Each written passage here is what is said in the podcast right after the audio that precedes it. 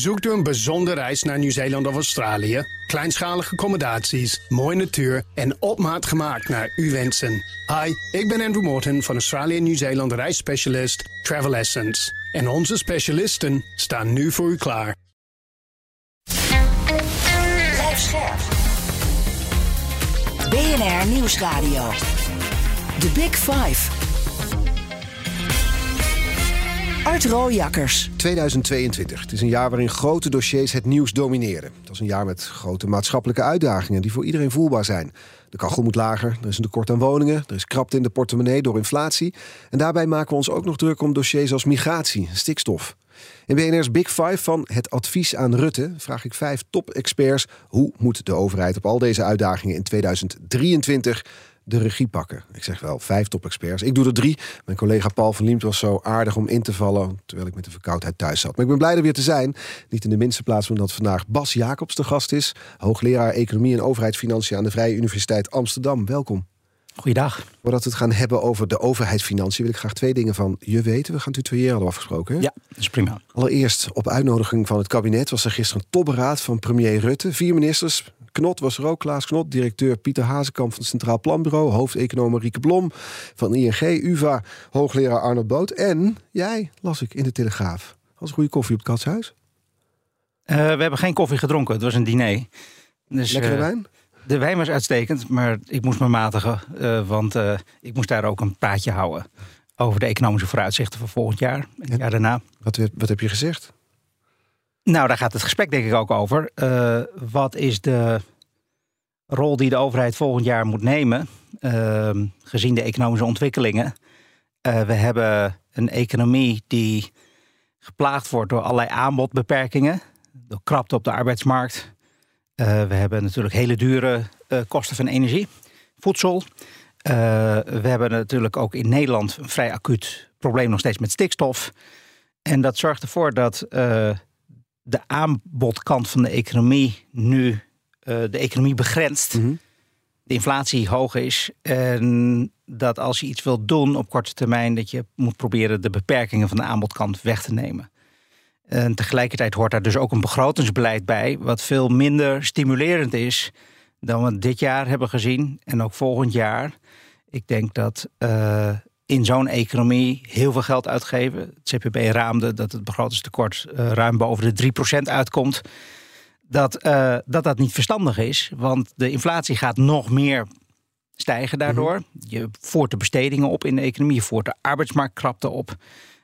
En daarmee maak je de problematiek van de Nederlandse economie groter. Ja. Dus op dit moment is het zaak om de aanbodkant van de economie te versterken en wat zuiniger aan te doen. Nou, we gaan er zo uitgebreid nog op terugkomen. Ik was eigenlijk benieuwd dan wel of er dan na afloop schouderklopjes worden uitgedeeld, een hand wordt geschud. Dank voor de wijze woorden. Zegt Rutte dat dan? Of hoe gaat dat dan? Uh, daar uh, kun je voor alles over vragen, maar daar ga ik niks over zeggen, gezien de vertrouwelijkheid van dat soort dingen. Oké. Okay. Maar wordt er wel instemmend dan? Wordt er, denk je dat zo'n boodschap goed het, landt? Het was, een, het was een, een, een genoeglijke bijeenkomst.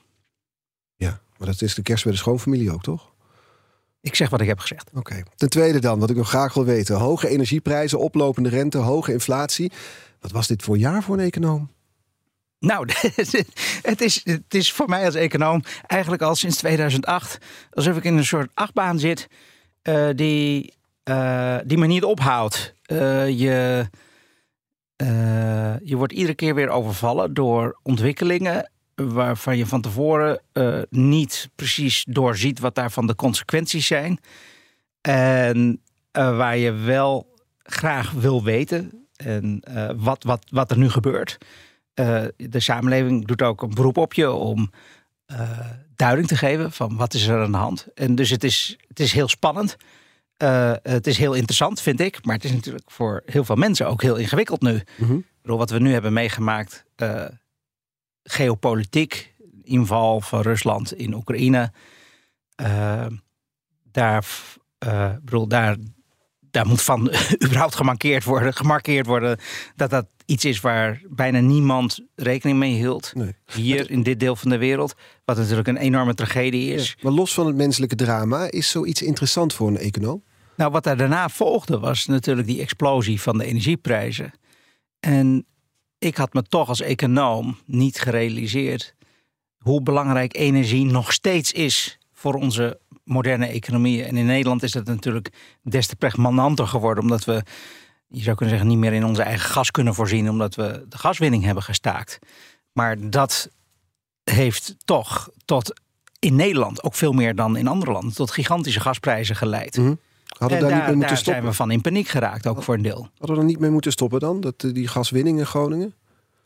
Ehm, ik wil daar op twee niveaus antwoord op geven. Eén, de, er is een collectief trauma ontstaan doordat de Nederlandse overheid op geen enkele manier de Groningers tegemoet heeft kunnen treden met compensatie en de reparatie van hun huizen. En zelfs als je dat nu alsnog zou regelen, is dat collectieve trauma niet opgelost. Dat is een En- groot wantrouwen tegen de overheid natuurlijk. En dat wantrouwen is volkomen terecht. En daar, eh, dat laat zich niet 1, 2, 3 oplossen. Eh, daar, dat vereist een lang, langjarige inspanning. ja, dat is de ene dat kant van het verhaal. En de andere kant? De andere kant van het verhaal is dat, is dat bij de huidige gasprijzen, wat er nog in de grond zit in Groningen, nu 700 miljard euro ongeveer waard is. 700 miljard? Dat is ongeveer de helft van wat we in, ons pensioenvermogens, eh, in onze pensioenvermogens hebben zitten. Gigantisch bedrag. Dat is eh driekwart van het BBP, zeg maar. En, en los van het vermogen, ik bedoel, dat hebben we nu afgeschreven. Eh, Dat is economisch onverstandig. nou, ik denk dat het niet een, een economisch verstandig besluit was om die gaswinning helemaal te staken.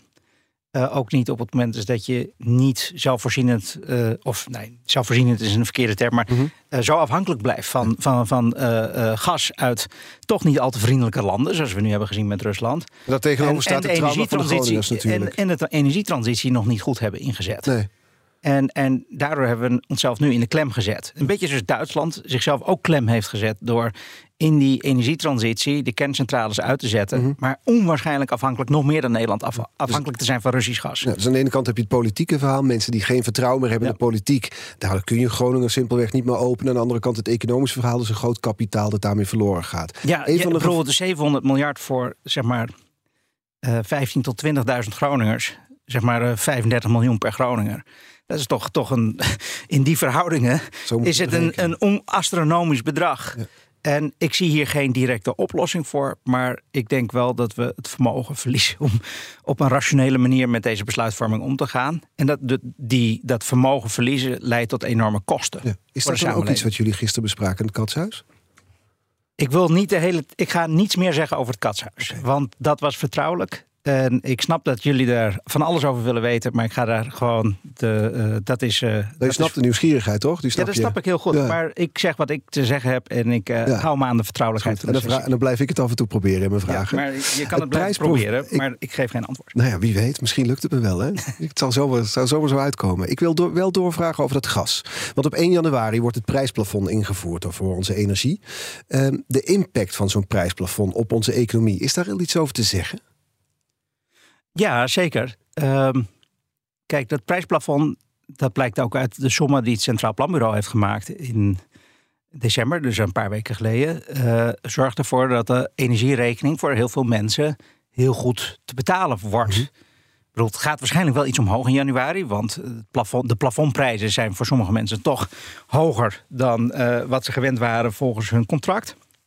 Maar het wordt te overzien. Ehm, de overheid neemt daarmee een deel van de energierekening over. 60 tot 80 procent van de mensen gaat met zijn energierekening onder het plafond vallen. En daarmee eh, eh, zorg je dat niet eh, mensen in onoverkomelijke energielasten terechtkomen. Maar het is ook een economisch paardenmiddel. Ja, want hoeveel gaat het wel niet kosten? Schattingen 24 miljard las ik ergens. Ja, dat is de eerste schatting. Inmiddels zijn de gasprijzen gedaald. En de schattingen die zijn nu, afhankelijk of je de BTW meeneemt, eh, ergens zo rond de 8 à 10 miljard. Ja. Ehm, het kan afhankelijk van de gasprijs meer of minder zijn. Wat ik het grotere. ik bedoel, het kost heel veel geld. Ik heb een aantal grote bezwaren tegen eh, de manier waarop het nu is gegaan. Het gasplafond, eh, of zeg maar het energieplafond eh, voor gas en elektriciteit is wat mij betreft te ruim. Waardoor de prikkel voor mensen om zuinig om te springen met hun energie toch niet genoeg gereduceerd wordt. Eh, versterkt wordt. Ja, Want mensen hoeven niet te bezuinigen, want je wordt de toch gecompenseerd de neemt- overheid. De, Ja. de overheid legt het verschil bij tussen de marktprijs en wat mensen betalen. Dus eh, als de marktprijs omhoog gaat, dan eh, merken mensen daar niks van, Nee. maar vooral de overheid. Dus het plafond had we- hoger gekund wat dat betreft. nee, lager. Want Excuus, ja, lager, zodat je Ja. sneller zelf mee moet betalen. dus, dus, dus de, de, de prijzen zijn nu hoog omdat er veel vraag is en weinig aanbod. Hoe zou het dan wel en, moeten, zo'n En op het moment dat de overheid de rekening gaat overnemen, ga je eigenlijk de vraag subsidiëren. Waardoor de prijs in het niet geplafonneerde deel van de energiemarkt, mensen die er bovenuit schieten, gaan een hele hoge energieprijs betalen. Dat geldt ook voor MKB'ers die heel snel boven dat plafond uitkomen. Eh, dus voor sommige mensen wordt het gewoon duurder, eh, omdat het voor anderen goedkoper is gemaakt, zonder dat er meer gas is of eh, elektriciteit. Tweede is door die prijsstijging eh, op de energiemarkt. We hebben meer vraag bij, bij, bij beperkt aanbod. Ja. eh, gaat de prijs stijgen. En wie profiteren daarvan? Dat zijn de energieleveranciers. Dat zijn de, de gas- en olieproducenten, inclusief Poetin. Eh, dus een deel van die 8 à 10 miljard vliegt de grens over. En komt in de, de, de, de zakken terecht van mensen die we niet per se willen helpen. Derde is, de energietransitie wordt natuurlijk vertraagd. Want als er één remedie is tegen hoge prijzen, dan is dat wel hoge prijzen, zeggen economen wel eens. Want mensen hebben een enorme incentive om energie te besparen. En wat het afgelopen jaar heeft laten zien, is dat we inmiddels iets van 30% minder energie verbruiken Ja. dan het jaar daarvoor. En dat laat zien. Ik vat het even samen. Het is een te lompe, in, lompe ingreep, zo'n plafond. Nou, het, het, het, het zorgt generiek. voor heel wat nadelen. Het zorgt ook voor evidente voordelen. En hoe je die nadelen en die voordelen moet wegen, dat vereist uiteindelijk een politiek oordeel. Maar ik denk dat het, dat het te ruim is en te generiek. Want ook allerlei mensen die het prima kunnen betalen, profiteren ook van het, eh, van het prijsplafond. Ook ik. eh, als hoogleraar economie met een eh, eh, redelijk goed eh, tot vorstelijk salaris, eh, kan eh, die energierekening ook bij normale prijzen prima betalen. The Big Five. Art Rojakkers. En met vandaag de gast Bas Jacobs, hoogleraar Economie en Overheidsfinanciën aan de Vrije Universiteit Amsterdam. We hadden het over het prijsplafond, het energieprijsplafond voor eh, particulieren. Nou is het natuurlijk ook zo dat een deel van het bedrijfsleven vanwege de hoge energieprijzen overheidssteun krijgt. In de coronapandemie zijn we er eigenlijk aan gewend geraakt, hè, steunpakketten. Is het iets, ja, ik zat over na te denken, zijn we een soort steunpakketland aan het worden? Als het even misgaat, dan kijken we met z'n allen naar de overheid. Ja, dit is een groot probleem aan het worden. Pieter Hazekamp, directeur van het Centraal Planbureau, die spreekt inmiddels van de compensatiesamenleving. Eh, de weerbaarheid in Nederland is, eh, denk ik, wat eh, omlaag aan het gaan. Iedere keer als er iets vervelends gebeurt in de wereld, wijzen we met z'n allen naar de overheid die het probleem moet oplossen. Maar de overheid zijn wij zelf. Alle euro's die de overheid uitgeeft, moeten wij eerst zelf opbrengen met belastingen. En als we dat niet zelf doen, dan doen onze kinderen dat via een hogere staatsschuld. Dus voordat we naar de overheid toe gaan, denk ik dat we helderder moeten krijgen waar de private verantwoordelijkheid ligt, waar die eindigt en waar de publieke verantwoordelijkheid begint. En, en dat, dat, dat debat dat, eh, is op dit moment volkomen vervaagd.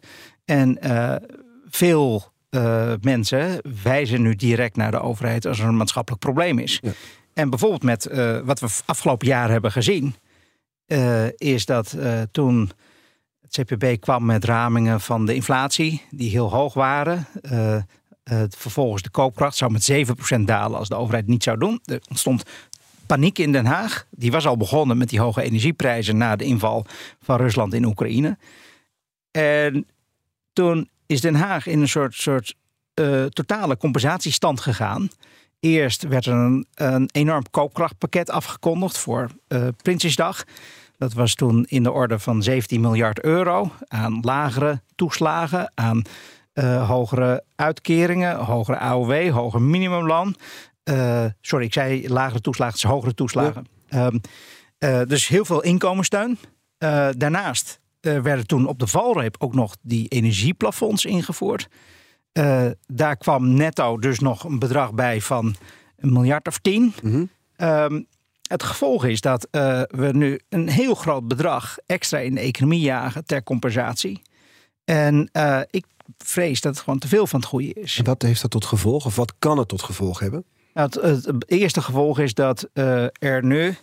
Je ziet nu op alle mogelijke manieren dat niet alleen de overheid compenseert. Werknemers vragen ook hogere lonen. Bedrijven zijn met hogere eh, prijzen eh, de kosten aan het doorberekenen. Eh, het gevolg is dat centrale banken nu met de handen in het haar zitten over hoe ze die inflatie weten te beteugelen. Als iedereen probeert die rekening naar een ander toe te schuiven. Ja, het is heel simpel. Meer, meer loon, dus producten duurder. Dus wordt alles duurder. Dus willen we weer meer loon. En zo kom je lekker in de cirkel terecht. Ja, en zeker ook als die overheden gesynchroon miljarden de economie injagen, terwijl we al tegen de capaciteitsgrenzen aanlopen, is dat voor centrale banken ingewikkeld. Dus de rente gaat heel hard omhoog. Dat hebben we gezien. Ja, weer een half procentpunt erbij, hè, gisteren of weer. Tweede is dat nou ja, die, een deel van het koopkrachtherstel wordt uitgehold door het koopkrachtpakket zelf, omdat de inflatie stijgt. Het derde is dat de, de koopkrachtsteun voor een aantal maatregelen heel generiek is. En dus niet terecht komt bij de mensen die je, denk ik, zou moeten helpen. Mhm. Denk aan de accijnsverlaging. Die gaat nog het eerste halfjaar van 2024 door op benzine en diesel. Maar denk ook aan nou ja, die prijsplafonds, die gelden voor iedereen. Uh, doordat de overheid niet goed lukt om mensen met lage inkomens en hoge energierekeningen direct te benaderen, zoeken we dus naar allerlei andere manieren om mensen te benaderen. Dus inkomenspolitiek via toeslagen en, en uitkeringen. Maar ook die prijsplafonds voor mensen met hoge energierekeningen. Mhm. Die combinatie van maatregelen maakt het allemaal extreem kostbaar. En ik denk ook voor een deel dubbel op. Sommige mensen zullen duizenden euro's aan ondersteuning krijgen het komend jaar door de, de overheidsmaatregelen. Ja, maar als we naar de totale economie kijken waarin we leven en als we dan kijken naar het komende jaar, toekomst is eh, voorspellen is lastig, ook voor Bas Jacobs. Maar als we er toch een poging toe doen, wat zouden de gevolgen kunnen zijn van dat wat we nu zien gebeuren in de economie? Die steunpakketten, die inflatie, die, de lonen die, eh, die omhoog gaan. Um, ook, ik denk dat, dat vanaf nu we hebben het eigenlijk al in november gehad. De piek van inflatie die hebben we achter ons. Dus de inflatie gaat vanaf nu heel hard omlaag. Is, uh, en dat is puur mechanisch. Mm -hmm. Want uh, de inflatie is vooral veroorzaakt door de hoge energieprijzen. Die gingen als een gek omhoog na de inval van Rusland in Oekraïne in februari. Dus op het moment is dat die energieprijzen omhoog gaan, op dat moment, en je gaat februari een jaar la later kijken en de prijzen zijn niet gestegen, valt die component eruit. Ja. Nu zie je wel dat de inflatie verbreed is. Dus ook niet naar, naar energie en voedsel, maar breder in de economie is. Dus dat duurt wel even voordat het er helemaal uit is. Maar als je naar de financiële markten kijkt, dan verwachten die toch dat over een jaar of twee we weer min of meer terug zijn bij 2,5% inflatie mm -hmm. of, daar, uh, of daaromtrent. Um, dus, dus die inflatie gaat heel snel eruit lopen. Dus dat is goed nieuws. We hebben de grootste pijn, je zou kunnen zeggen, al gehad. Daarna zie je dat de lonen, die reageren altijd een beetje vertraagd, de lonen gaan wel stijgen. Uh, nog steeds niet heel hard gezien de enorme krapte op de arbeidsmarkt. Mm -hmm. Als je uh, kijkt naar de loonstijging nu, die het CPB raamt, dan zit die op uh, ongeveer. Ehm, die, zit, die zit voor 2000, 2023 zit die 1% boven de inflatie. Ja. Uh, maar als je de productiviteitsgroei daarvoor corrigeert, we gaan worden met elkaar, met elkaar ook meer productief, dus ongeveer 1%, dan zit je dus zeg maar de loonkosten per eenheid product die stabiliseren volledig. Dus zelfs in een volkomen krappe economie met heel veel schaarste op, blijft die loon eigenlijk blijf, die loonkosten uh, gewoon ja. reëel constant. En dat is heel raar. Mhm. Mm -hmm. Er zit dus aan de ene kant. We zien ook in de, de arbeidsinkomensquote. Dat is het deel van het nationaal inkomen dat naar arbeid gaat. Dat, de, uh, dat, dat, dat het aandeel heel hard daalt. Dat gaat met iets van 4 procentpunten omlaag. Maar als de lonen dus hetzelfde blijven en alles wordt duurder, worden wij met z'n allen armer. Ja, en dat moet voor een deel ook gebeuren. Want uh, niemand kan wat doen aan de gestegen kosten van energie en voedsel. Dat is geïmporteerde inflatie. Ja. Uh, je bedrijf waar je werkt kan dat niet uh, in beginsel vergoeden. De overheid kan het in beginsel niet vergoeden, want dat zijn wij met, met z'n allen.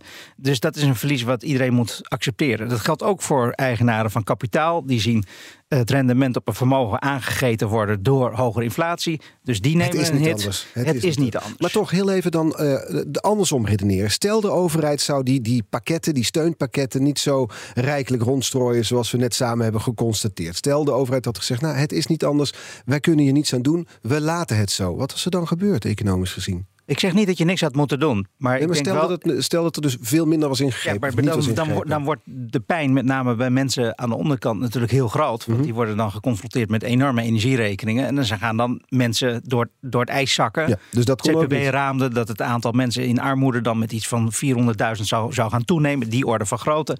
En dat betekent dus dat we een hele hoop maatschappelijke ellende erbij krijgen. Ik snap dus heel goed dat de regering en ook de Kamer wil dat uh, dit, niet, dit scenario zich niet voltrekt.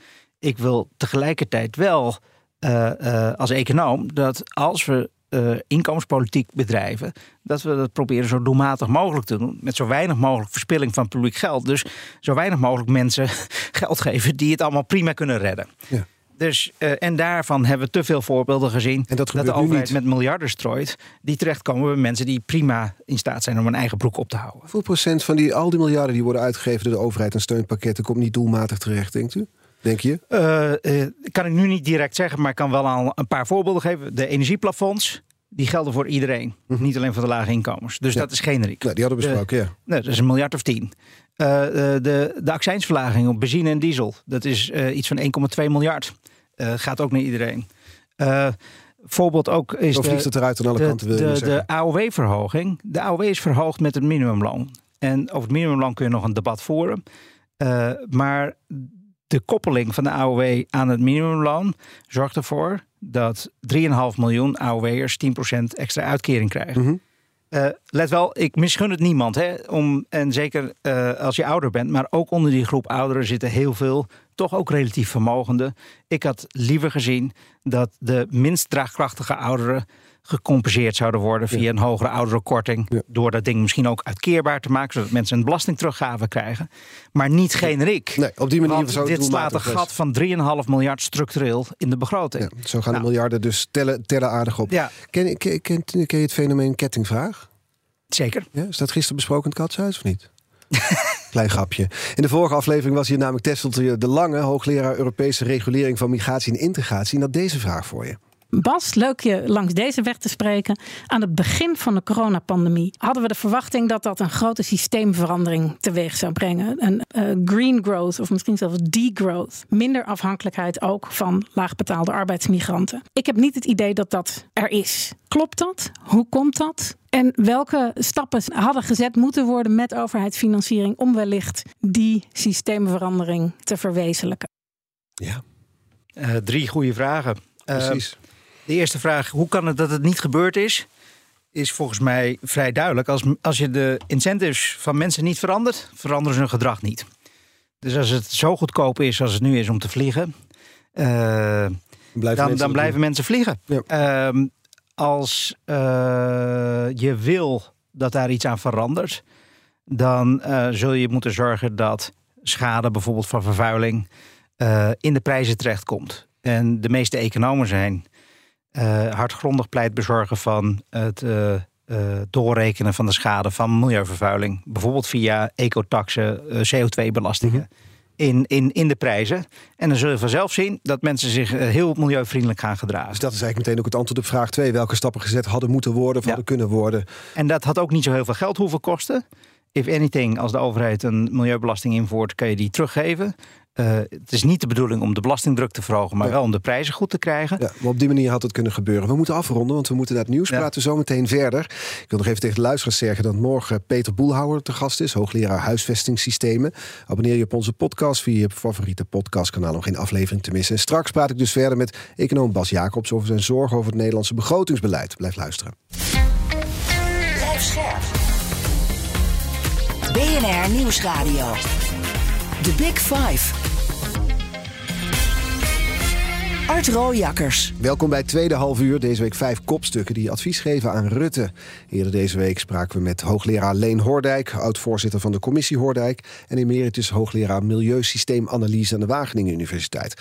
Het stikstofprobleem was natuurlijk het onderwerp. Was met mijn collega Paul van Liemt. Het is terug te luisteren via de BNR-app. Vandaag de gast Bas Jacobs, hoogleraar Economie en Overheidsfinanciën aan de Vrije Universiteit Amsterdam. Komend half uur wil ik graag nog twee onderwerpen sowieso met je bespreken. Namelijk waarom ons belastingssysteem volgens jou rot is. Nu citeer ik je. En hoeveel zorgen we ons moeten maken over het gat in de begroting van volgend jaar. Laten we met het laatste beginnen. Nederland heeft een waarschuwing gekregen van de Europese Commissie. Er moeten dringend maatregelen worden genomen om ons begrotingstekort en de overheidsschuld in 2023 niet verder te laten oplopen. Wat is er aan de hand? Nou, je ziet onderliggend dat het begrotingssaldo heel erg verslechtert. Eh, dat wordt nog een beetje uit het, eh, zeg maar aan het zicht onttrokken doordat we heel veel meevallers hebben. Eh, het CPB schat dat we voor 2023 10 miljard uitgaven niet kunnen doen, omdat we het personeel niet kunnen vinden, bijvoorbeeld bij defensie of bij, bij gezondheidszorg. Maar de en er is ook nog dat de, de, de cijfers staan er best, aan, best goed voor. Vanwege de hoge inflatie. Want die economie die groeit nominaal heel hard. Dus als je nu dezelfde schuld uitdrukt als, functie, uh, als fractie van een, een, een, een, economie die veel groter is in nominale termen, dan daalt je schuldquote alleen al door de inflatie. Dat een sommetje. Dus dat gaat. De, bedoel, de, en hetzelfde geldt voor, voor het begrotingstekort. En daarom denk ik wat cynisch over. Want ik, ik zat ergens te lezen: gemiddelde staatsschuld in Europa van de Eurolanden 94% van het BPB. Bij ons zitten we op nog geen 50%. Nee, er, er is ook geen directe aanleiding om je heel veel zorgen te maken. Uh, waar, waar, waar ik als econoom vooral naar kijk, is dat we ik ga toch weer even terug naar het onderliggende pad van de uitgaven en de inkomsten. Dus dat wordt nu allemaal. Dus die begrotingscijfers worden erg geflatteerd door de inflatie. Mhm. Doordat de rentelasten heel, heel laag zijn, doordat de gasbaten heel hoog zijn en doordat we al die meevallers hebben. Uh, maar als je dat eruit filtert, dan zie je gewoon dat we jaar op jaar meer uitgeven dan dat er binnenkomt.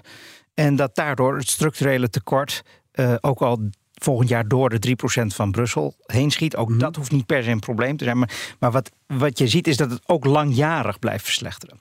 Is dat zorgelijk? Nou, uh, dat is zorgelijk op het moment dat, die, uh, dat dat vooral consumptief is. Dat er uh, zeg maar geen investeringen mee worden gedaan. We hebben natuurlijk grote fondsen opgezet. Wat je zou willen is dat er nu voortvarend uh, wordt geïnvesteerd in het oplossen van het klimaatvraagstuk en de energietransitie. Je zou het stikstofvraagstuk opgelost willen hebben. Het liefst tegen zo laag mogelijke publieke kosten. Dus beprijzing zou daar een mhm. rol bij kunnen spelen. Maar ook uh, als je kijkt verder naar nou ja, hoe de ontwikkeling is van, van de overheidsfinanciën. We zien een aantal trends, zoals stijgende gezondheidszorguitgaven. Het CPB raamde ook dat dat omhoog gaat van 11% van het nationaal inkomen nu naar zo'n 18% van het nationaal inkomen in 2035. Dus dat wordt een koekoeksjong die mhm. die begroting gaat opeten. Dus daar is op de lange termijn zijn er een aantal opgaven. Dus je hoeft niet direct acuut je zorgen te maken, maar als je niks doet, uh, gaat, het, gaat het toch heel sterk verslechteren. Dat is toch een beetje de rode draad ook deze week over dat niks doen. Dat er grote dossiers zijn, politiek gezien, komen we toch over hmm. politiek. Misschien komt zo het katshuis dan toch weer heel even te sprake. Want er zijn heel veel grote dossiers waarop niet geacteerd wordt door de politiek. Er worden geitenpaadjes gezocht, hmm. er wordt vooruitgeschoven. Is dat bij economisch beleid ook zo? Is het nu zo dat, dat jij zegt als econoom, maak hier nou een keuze in, doe iets, want anders dan is die begroting straks echt niet meer houdbaar? Zeker. En eh, nou ja, ik denk dat er enorme overeenstemming is onder economen dat nu het begrotingsbeleid eigenlijk veel te ruim is voor wat de stand van de economie is. We hebben hoogconjunctuur, we hebben krapte, we hebben inflatie. Dus dan moet je voorzichtig zijn. Ja, en dan zeg je en dan moet je eigenlijk, eigenlijk hervormen. Uh, uh, en nogmaals, die overheidsfinanciën is niet direct een zorg, maar wel onderliggend mm zien we het sterk verslechteren. Doe het nu, want anders hebben we straks grotere problemen. Dat zeggen jullie dan als economen, neem ik aan. Bij de politiek kloppen jullie aan, of jullie worden uitgenodigd zoals het soms gaat. En dan, hoe wordt er dan geluisterd naar jullie?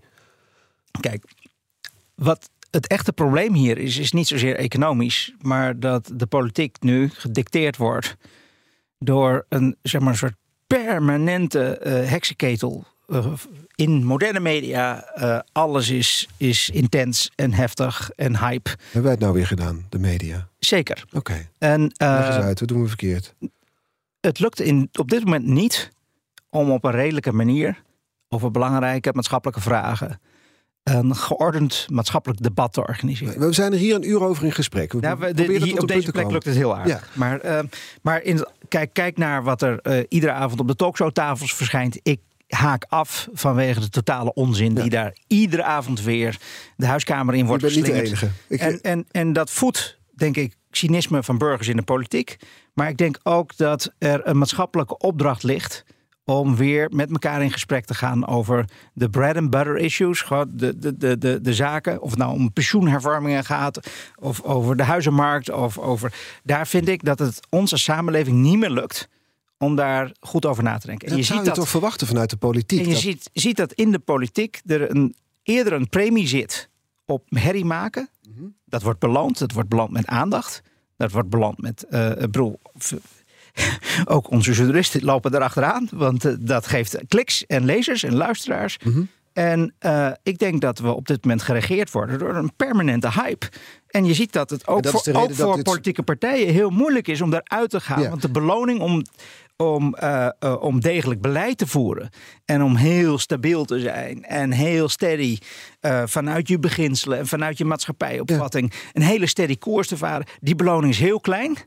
Maar de beloning op de, de rel en de verontwaardiging. En, en, en, dat geldt toch niet voor minister-presidenten, voor een kabinet? Die kunnen toch juist het beleid of de adviezen die ze krijgen. Maar reken maar, reken, reken maar dat ook in coalitiepartijen er enorme interne verdeeldheid is over zeker als die partijen het niet goed doen in de peilingen, ja. dan zal er ook in die partijen zelf een enorme druk zijn om toch de, uh, uh, de media op te zoeken, om toch proberen zich te profileren, om toch, je zou kunnen zeggen, een populistische toon aan te slaan omdat ze bang zijn dat de kiezers weglopen. We hadden het net over hoe zorgelijk is of dit soort, dat dit soort grote dossiers, ook in de economische dossiers, dus politiek gezien niet worden aangepakt.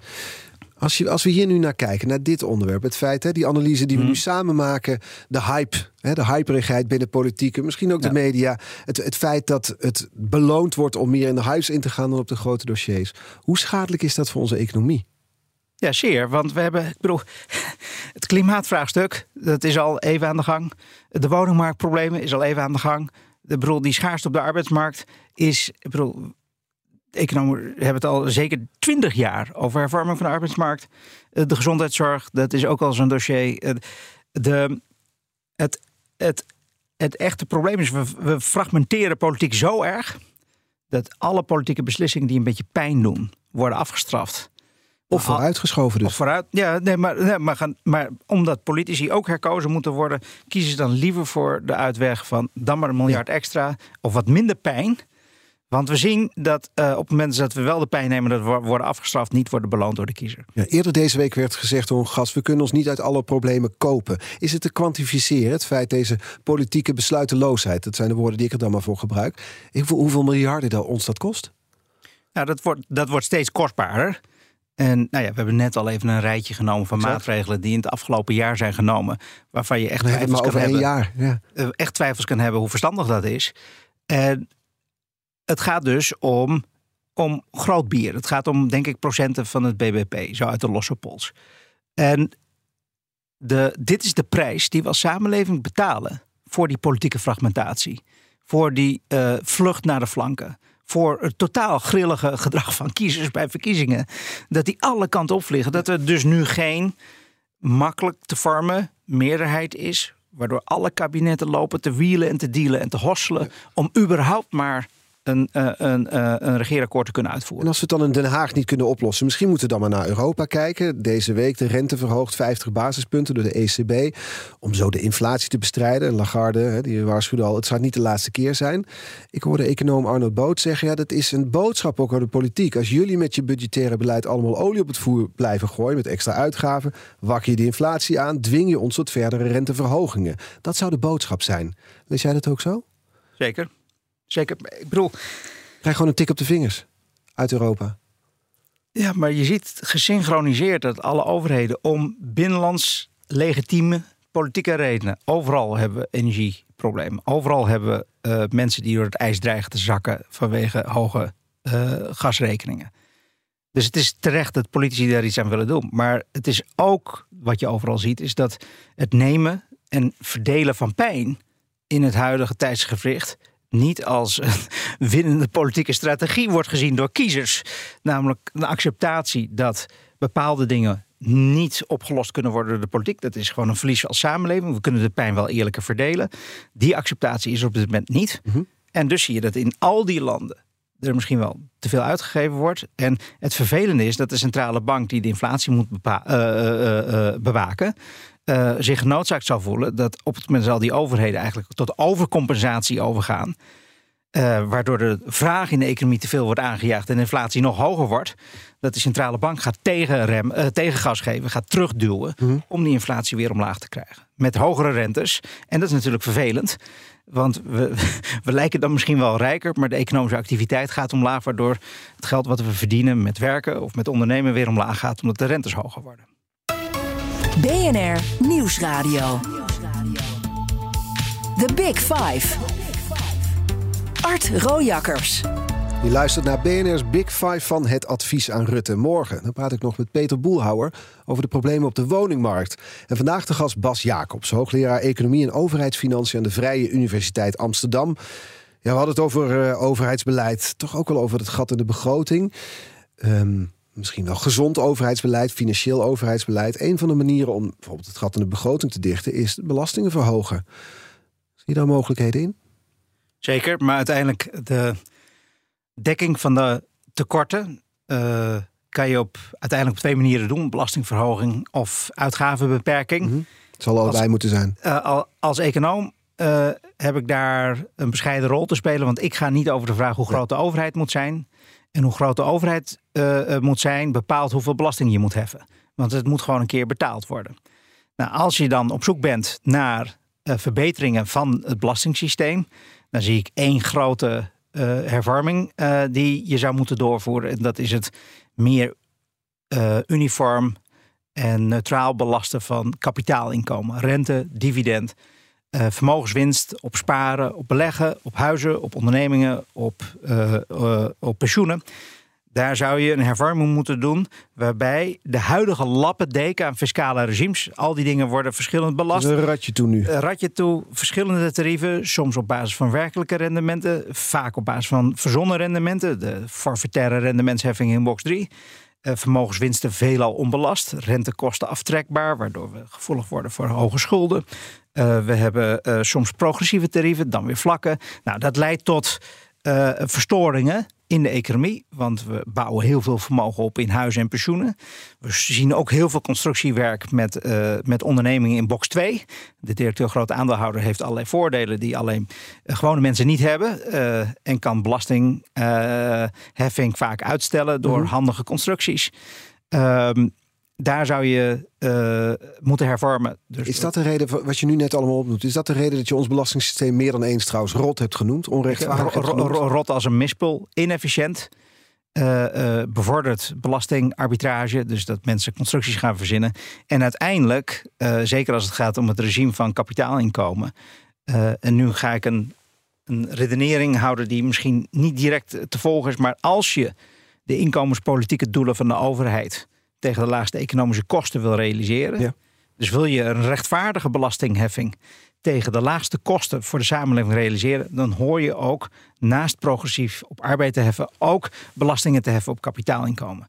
En dat betekent dat je niet huizen moet subsidiëren. Dat betekent niet dat je pensioenen moet subsidiëren. Dat betekent ook dat je die directeur groot aandeelhouder in box 2 uh, correct moet belasten. Waarschijnlijk wel dat kapitaalinkomen tegen een wat lager tarief dan arbeidsinkomen om een aantal redenen. Vooral omdat het waarschijnlijk wat schadelijker is om dat te doen. Maar het liefst tegen een uniform tarief van, wat is het, 25, 30 procent over alle vormen van kapitaalinkomen. Zodat het niet meer lonend is om constructies te doen. Zodat je het niet meer mensen prikkels geeft om schulden te maken. Zodat uh, bepaalde vormen van vermogensopbouw niet meer gesubsidieerd worden en daarmee bijdragen aan de ongelijkheid. je schreef, je schreef uh, het boek al eerder, hè, Ontwerp voor een beter belastingstelsel. Dit pleidooi van versimpel nou die belastingheffing, al die lappendeken, dat, dat hoor je uit verschillende kelen natuurlijk. Het, het heeft de simpelheid of de, de, de schoonheid van de eenvoud, zal ik maar zeggen. En tegelijkertijd wordt het maar niet ingevoerd. Hoe kan dat? Nou, ik denk dat de, ook hier wreekt zich dat uh, de dingen waar ik het over heb.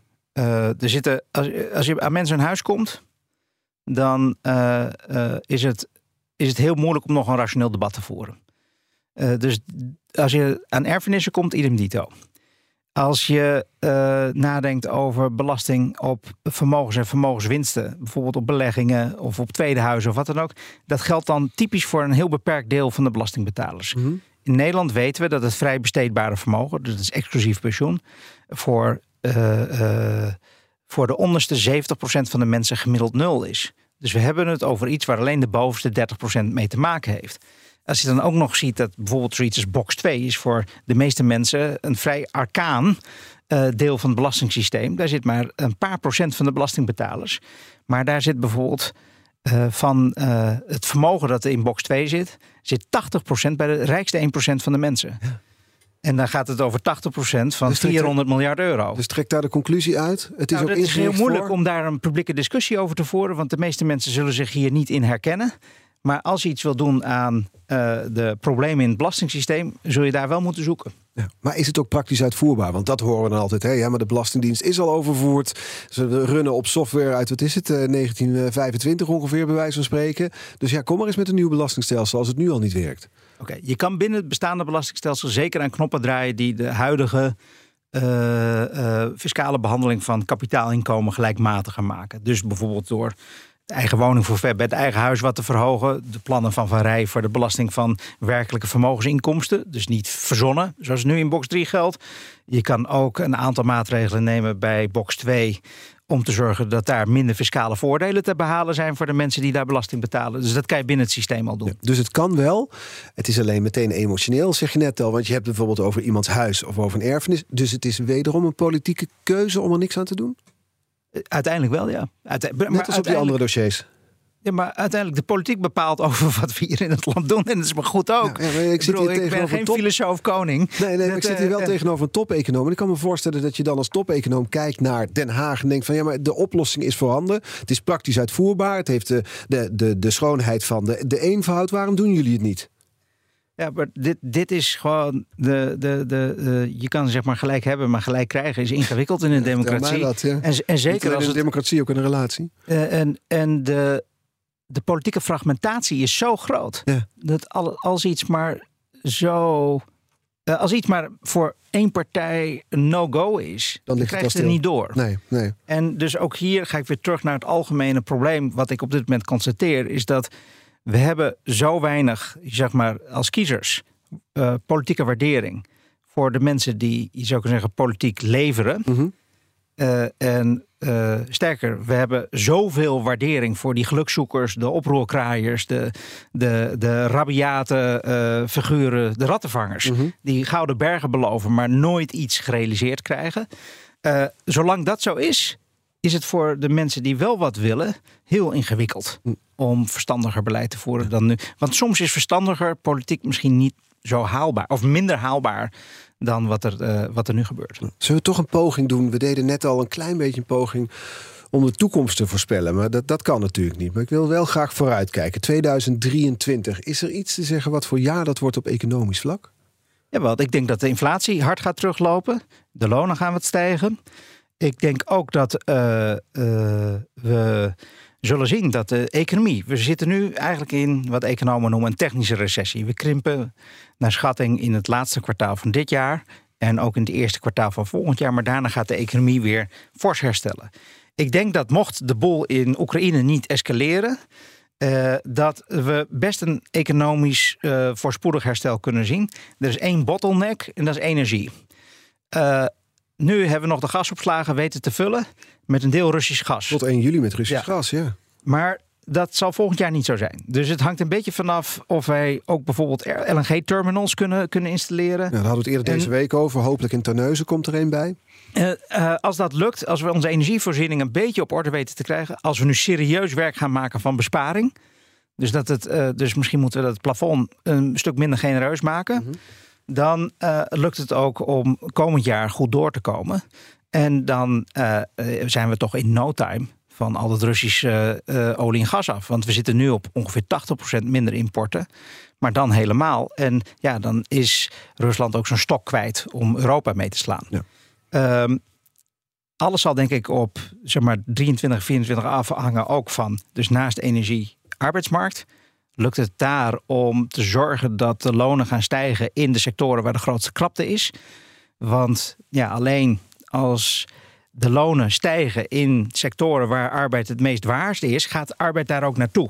Dan uh, krijg je reallocatie binnen de arbeidsmarkt. Maar dan krijg je ook dat mensen misschien vanuit uh, een positie dat ze minder werken, meer gaan werken. Bijvoorbeeld deeltijdmensen. Mm of uh, dat ze uh, uh, vanuit een inactieve positie naar de arbeidsmarkt weten te gaan. Of langer doorwerken als ze wat ouder zijn. Dus dat soort mechanismen wil je eigenlijk aanwakkeren. Ja. Um, al met al niet al te somber, vat ik, ik heel ben, Ik ben niet zo somber. ik, ik, er, er zijn een paar gevaren die hebben te maken met lukt het, de inflatie, lukt het de centrale bank om de inflatieverwachtingen ja. stabiel te houden? Dat zijn ze op dit moment. Uh, en zolang die lonen niet harder stijgen dan de inflatie, is er ook geen enkel gevaar voor een loonprijsspiraal. Uh, maar mocht dat onverhoopt toch niet helemaal goed gaan, dan gaan die centrale banken hard remmen. Ja. Dus, en er is misschien wel een risico dat Nee. ze iets te hard al erin gaan. Ja, ja. Ik denk dat ze het ongeveer goed doen, maar dat is een risico. We hebben nog een kleine minuut over, dus we gaan eh, naar de kettingvraag toe. Morgen is mijn gast Peter Boelhouwer, hoogleraar huisvestingssystemen, over de wooncrisis natuurlijk. Wat zou je willen vragen? Mijn vraag zou zijn: eh, moet niet de bruteringsoperatie van Heerma uit 1995 worden teruggedraaid? Toen zijn woningbouwcoöperaties, eh, je zou kunnen zeggen, verzelfstandigd. En ze hebben de subsidies die ze kregen van het Rijk voor de nieuwbouw van sociale huurwoningen, maar ook de aantrekkelijke leencondities, eh, hebben ze omgezet gezien in een enorme zak met geld. En daar heeft de overheid toen geld voor geleend op de kapitaalmarkt en dat is overgedragen aan de woningbouwcorporaties. Tegelijkertijd, en dat heeft men toen niet gerealiseerd, is het businessmodel van de woningbouwcorporaties onderuit gegaan. Want nu hebben woningbouwcorporaties als ze een nieuwe woning neerzetten, heel vaak een zogenaamde onrendabele top, waarbij het meer kost om een nieuwbouwwoning neer te zetten dan het oplevert in termen van huur. Ja. Terwijl hiervoor de overheid subsidie gaf. Dus op is de, vraag, kosten. moet het niet omgedraaid worden? Moet het niet weer teruggedraaid worden? Moet er in ieder geval niet een manier verzonnen worden zodat het vermogen, wat sommige van die corporaties nog steeds hebben, Ja. Wordt omgezet in een bouwsubsidie en misschien zelfs in aantrekkelijke leenvoorwaarden, zodanig dat het weer uit kan, het businessmodel van woningbouwcorporaties weer uit kan, dat het in ieder geval minimaal zoveel oplevert als dat het kost om een nieuwe woning neer te zetten. Want dan morgen- krijg je dat ze een Ja. incentive hebben om gewoon voldoende te bouwen. We gaan het er morgen voorleggen. Peter Boelhouwer is, Boelhouwer is dat, hoogleraar huisvestingssystemen. Dank. Bas. Jacobs, hoogleraar economie en overheidsfinanciën aan de Vrije Universiteit van Amsterdam. Al onze afleveringen van BNR's Big Five, die zijn natuurlijk terug te luisteren. Abonneer je op onze podcast via onze app of je favoriete podcastkanaal om geen aflevering te missen. Zoekt u een bijzondere reis naar Nieuw-Zeeland of Australië? Kleinschalige accommodaties, mooie natuur en op maat gemaakt naar uw wensen. Hi, ik ben Andrew Morton van Australië Nieuw-Zeeland reisspecialist Travel Essence. En onze specialisten staan nu voor u klaar.